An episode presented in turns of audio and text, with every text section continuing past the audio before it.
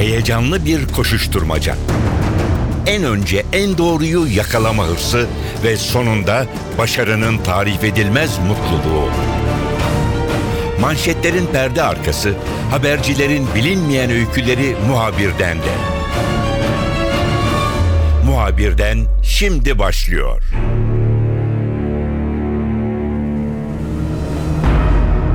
3 haftadan fazladır devam eden gezi eylemlerinde tansiyon düşmüş durumda. Bazı küçük çatışmalar, bazı küçük eylemler olsa bile artık olayın ilk başladığı gündeki şiddetin ve tansiyonun olduğunu söylemek mümkün değil. Muhabirden de bu hafta sahada çalışan gazetecilerin durumlarına bakacağız. Yaklaşık 3 haftadır süren eylemler muhabirlerin hayatlarını alt üst etmiş durumda. Gezi eylemi gibi veya farklı bu tür çatışmaların yaşandığı eylemler muhabirler için çok ciddi ve zor çalışma koşulları oluşturuyor. Bu kez de öyle oldu. İnsanlar haberi takip ederken özel hayatlarını bir kenara bırakmak zorunda kaldılar. Bazen eylemciler tarafından tepki gördüler, bazen polis hedef oldular, bazen de iki grubun ortasında kaldılar. Dolayısıyla böyle çalışma koşullarının gazeteciler için ne ifade ettiğine biraz yakından bakacağız. Ankara'da eylemleri başından sonuna değin izleyen muhabirlerden bir tanesi Gökhan Gerçekti. Gökhan bizimle olacak. İstanbul eylemlerin merkeziydi. Önce İstanbul'da başladı eylemler ve haberciler de hemen görevlerine koştular. NTV muhabiri Deniz Tüysüz de bizimle olacak muhabirlerin sahada çalışma koşullarını ve gezi eylemlerinin gazeteciler için nasıl bir çalışma ortamı yarattığını bize aktaracak. Muhabirden başlıyor, ben Kemal Yurteri.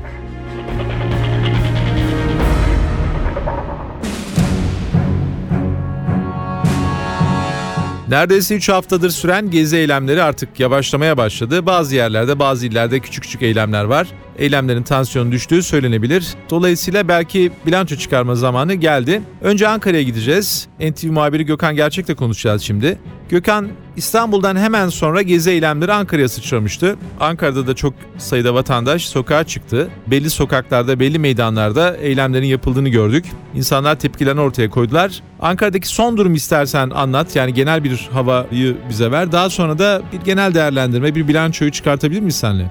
Evet yaklaşık 20 gündür başkentte devam ediyor eylemler. Devam ediyor diyoruz çünkü e, e, sayı az da olsa akşam saatlerinde e, toplanmalar var. Yine polis müdahaleleri var. E, dün akşam da yine aynı şekilde toplanma oldu ve polis müdahale etti. E, eylemlerin başladığı günden bugüne kadar 5 ayrı nokta ağırlıklı olarak eylemcilerin e, protesto gösterisi yapmak için seçtikleri noktalardı. İlk nokta eylemlerin başladığı Kuğulu Park'tı. Kuğulu Park 20 gündür zira ilk günden bu yana e, protesto gösterilerine sahne oluyor. Kızlar Meydanı, Güven Park, Ziya Gökalp Caddesi e, yine protestoların e, yoğunlaştığı noktalar. Polisin tutumu en başından beri netti aslında. E, Türkiye Büyük Millet Meclisi ve Başbakanlık hassas noktalardı. Kızılay hassas noktaydı. Protestocular belli bir yerde sabit gösteri yaptıkları zaman nispeten müdahale edilmiyordu. Yani e, marjinal gruplar yoksa ya, ya da e, taşkınlık yapılmıyorsa, polise taş atılmıyorsa e, müdahale olmuyordu. Ama olayın renginin, müdahalenin renginin, e, eylemin süresi ilerledikçe değiştiğini söyleyebiliriz. Kızılay'da sert müdahaleler oldu. Ulu Park'ta sert müdahaleler oldu. Eleştirilen müdahalelerde bunlar biber gazı, basınçlı e, ve oransız güç iddialarına konu olacak görüntüler ortaya çıktı.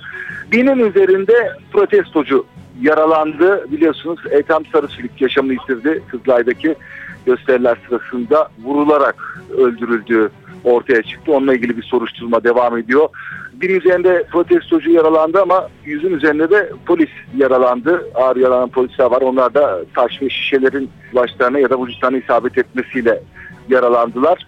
Çok sayıda kamu malı zarar gördü. Otobüs durakları, orta refüjlerde bulunan cam paneller, reklam panoları e, zarar gördü. Araçlara e, zarar verildi. E, bu bilanço valilik tarafından peyderpey açıklanıyor.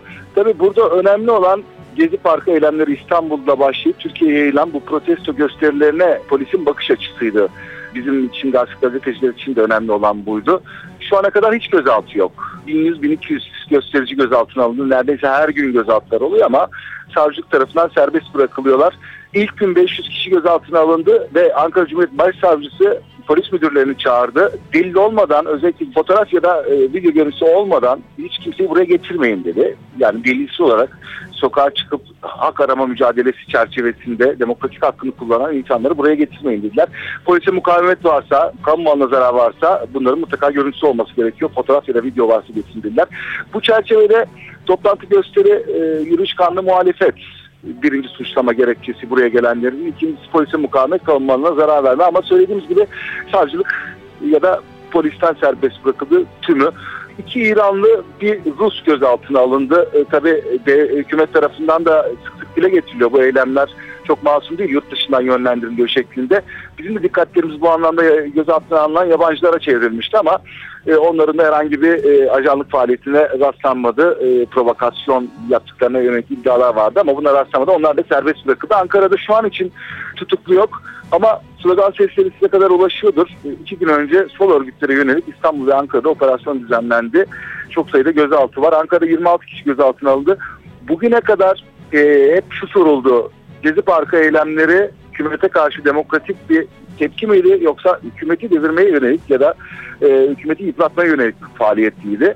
E, 2911 polise mukavemet belki demokratik hak arama e, özgürlüğü çerçevesinde yöneltilebilecek suçlamalardı ama bu sol örgütlere yapılan operasyon sonucunda gözaltına alınanlara sivil darbe iddiaları soruldu. İlk kez sivil darbe iddiaları gündeme getirildi. Çok değişik sorular soruldu. Örneğin Türkiye Büyük Millet Meclisi'ni ve Başbakanlığı neden işgal etmek istediniz? Başbakanın evine neden yürümek istediniz? Bu eylemlerle Türkiye'yi e, yurt dışında uluslararası platformda zor durumda mı bırakmak istediniz? E, hükümeti devirmek miydi amacınız? Gibi sorular yöneltildi. Yani soruşturmanın ve operasyonların renginin bu 20 gün içerisinde siyahla beyaz kadar farklı değiştiğini söyleyebiliriz. Özgürlükler çerçevesinde savcılık tarafından değerlendirilen e, Gezi Parkı eylemleri birden darbe eylemi olarak nitelendirildi. Son operasyonla İstanbul'da tutuklamalar var. Ee, Ankara'nın zamları az evvel adliye geldiler. Onlarla ilgili ne karar çıkacağını merakla bekliyoruz açıkçası Kemal. Gökhan bunlar e, haberin genel çerçevesiydi. Sormak istediğim bir başka konu var sana. Gazeteciler gezi eylemlerini izlerken her zamankinden çok daha fazla mesai harcadılar daha tehlikeli ortamlarda çalıştılar. Biraz da bizim meslek açısından bu taraf var bu eylemleri takip etmenin, daha doğrusu bir haberi takip etmenin. Nasıl geçti bu 20 gün Ankara'da senin için? Çalışma koşulların nasıldı? Sürekli meydanlardaydınız. Belli bir tehlike altındaydın. Haberci olarak çalışma ortamını bize anlatır mısın? Tabii her protesto eyleminde olduğu gibi bir sıkıntı yaşadık. E, ne polise yarandık e, kelimenin tam anlamıyla ne de protestoculara her iki taraftan da e, tepkiler var. E, ortalama nesnel bir dille durum tespiti yaparak daha çok olayları vermeye çalıştık ama e, herkes kendi e, açısından baktığı zaman medyayı taraflı görüyor. Polis kendi açısından baktığı zaman e, göstericilerin tarafında görüyor bizi. Göstericiler, protestocular kendi tarafından bakınca da polisin tarafında geliyor. Bir bu boyutu var. Bu anlamda hayli sıkıntı çektik. Çünkü medya, medya, medya kuruluşu, medya kuruluşu ayrı, ayrılmaya başladı. Protestoculara yakın yayın yapan e, kurumlar çok rahat çalışabilirken bizim için gayet sıkıntılı oldu. Alanda görev yapan muhabirler e, bir şeyler anlatmaya çalışıyor. E, protestoların fotoğrafını çekmek istiyor. E, protestocuların istediği de o aslında ama bir taraftan da e, bu baskıyla e, bizim de görevimizi yapmamızı engellediler. Zaman zaman bu tür sıkıntılar yaşadığımızı söyleyebiliriz. Tabii bir taraftan da müdahale görülmemiş boyuttaydı. Yani bu eylemin adını koymakta çok zorlandı güvenlik güçleri uzun bir süre.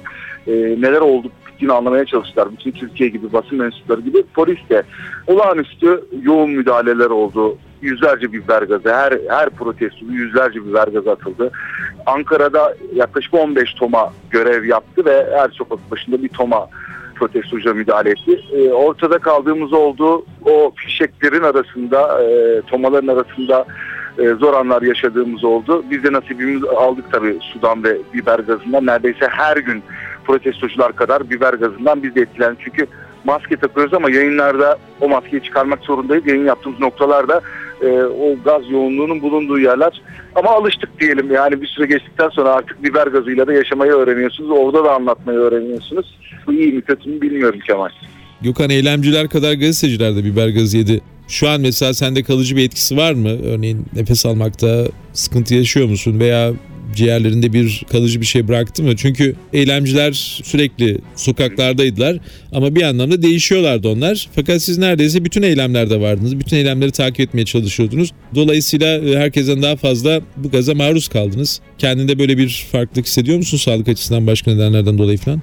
E, bir süre sonra alışıyorsun Kemal. Yani biber gazı gözü ve ciğerleri çok fazla etkiliyor. E, göremiyorsunuz, gözünüz yaşarıyor. Bir de polisin ithal ettiği o bu gazların menşei farklı. Bir biber gazı az etkiliyor, ciğeri etkiliyor. Bir biber gazı gözü etkiliyor. E, tamamını etkiliyor. Cildi yakanları var. E, vücudun fizyolojisine de bağlı biraz, biraz herhalde. Zamanla alışıyorsunuz. Hatta nefesinizin açıldığını bile söyleyebilirim ama uzmanlar tabii şimdi bize zararı yok ama belki ileride e, neler çıkacak bilmiyoruz. Uzmanlar açıklama yapıyorlar. Bir dakika içerisinde 20 miligramdan fazla solunursa öldürür şeklinde açıklama yapıyorlar. Bu yoğunlukta solunmuyor ama biz 20 gündür neredeyse her gün dakikalarca biber gazı solulduk. İleride e, çıkar mı çıkmaz mı bir araz bilmiyoruz ama gazla yaşamayı açıkçası öğrendik. Bir de su su var. Yani sosyal medyada polisin sıktığı basınçlı su, tomalardan sıkılan suyun etkileri konusunda da tartışmalar vardı. Asit konuluyor, kimyasal madde konuluyor şeklinde. Bunun da daha çok dediğim gibi fizyolojiye bağlı olarak alerjik reaksiyon gösteren vücutlar olabiliyor bu suyun içerisine. Daha çok boyalı su, boya konuluyor e, ya da e, sıvılaştırılmış biber gazı konuluyor. E, bu gaz yakıyor doğru cildi yakıyor ama açıkçası ben komple tomanın suyuna maruz kaldım açıkçası baştan aşağı. E, herhangi bir yanma oldu evet yanma oldu ama kızarıklık olmadı sadece e, kırmızı bir suydu vücutta ve giydiğiniz kıyafetlerde iz bırakan e, polise göstericileri o şekilde yakalıyor zaten bir izli ama söylediğim gibi kişiden kişiye de e, farklı reaksiyonlar gösterilebiliyor bu su konusunda. Bir kişide komple vücudu kızarabiliyor ama bize yapılan açıklama sıvılaştırılmış biber gazı olduğu şeklinde. E, tabii e, iddialar gündeme geldikçe siyasiler bunu parlamentoya taşıdıkça daha ciddi araştırmalar olacaktır. Geleceğe yönelik etkileri konusunda ve e, söylediğim gibi o basınçlı suda ne var, zehir mi var, kimyasal madde mi var e, bunların hepsi ortaya çıkacaktır ama bizim e, sokakta yaşadığımız şeyler bunlar. Gökhan anladığım kadarıyla biber gazı biraz sende bağışıklık yaratmış. Sudan da yılmadığın anlaşılıyor. Önemli haberlerde yine ciddi haberlerde seni görmeye devam edeceğiz. Teşekkür ederim kolay gelsin.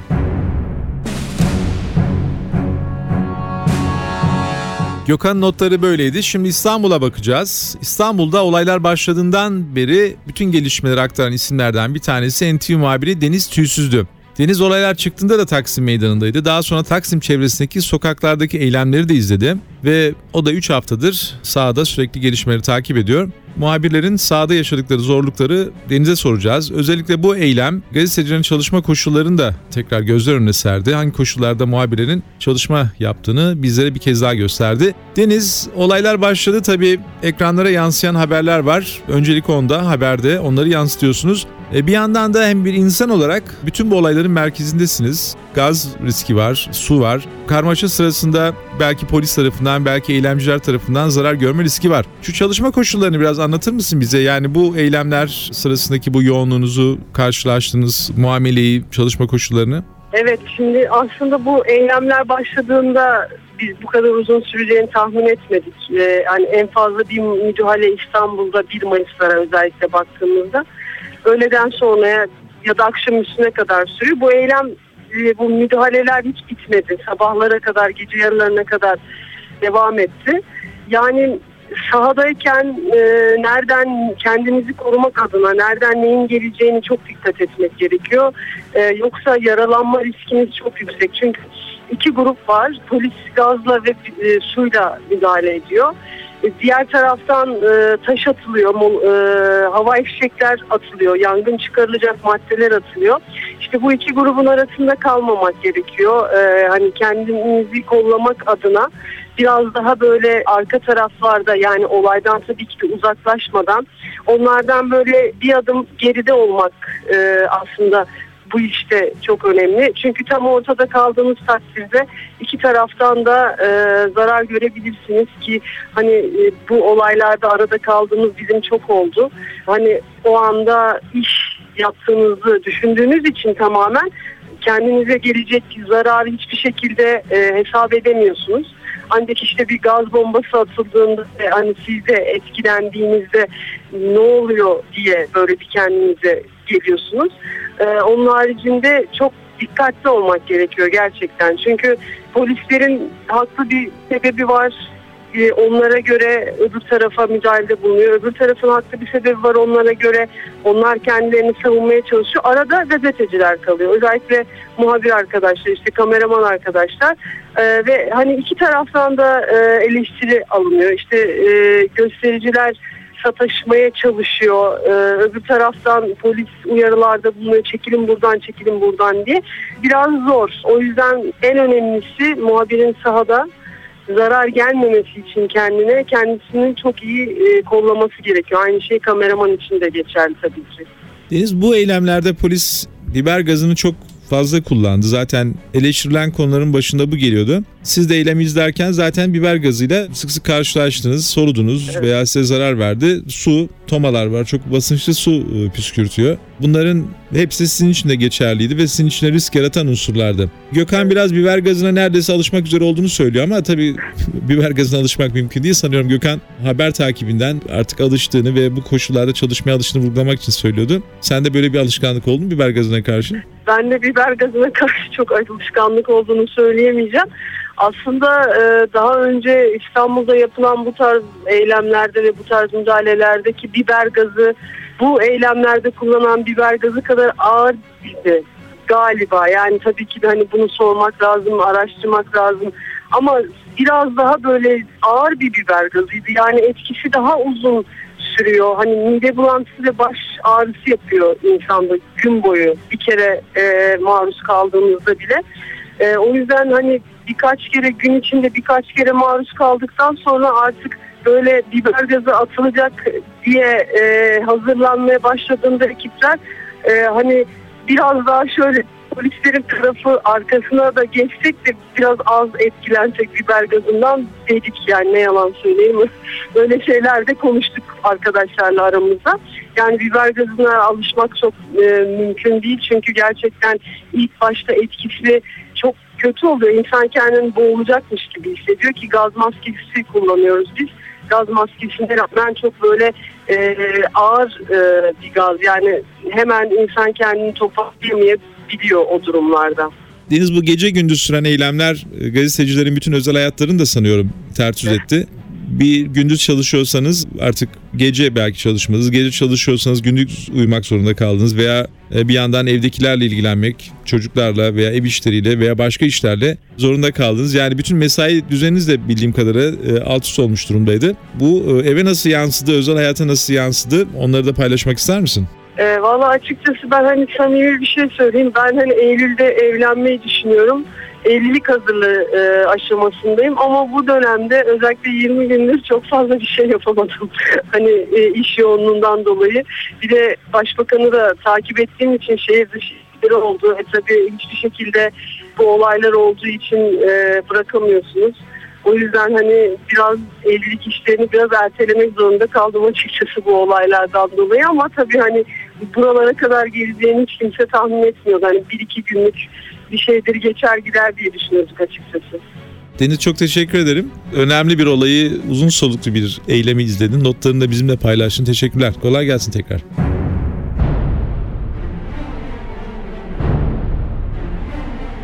Muhabirden de bu hafta gazetecilerin gezi eylemi örneğinden yola çıkarak çatışmaların yaşandığı ortamlarda çalışma koşullarını gözden geçirdik. Ben Kemal Yurteri yeniden görüşmek üzere hoşçakalın. Haber için değil de haberin hikayesi için şimdi onlara kulak verme zamanı. Muhabirden NTV Radyo'da.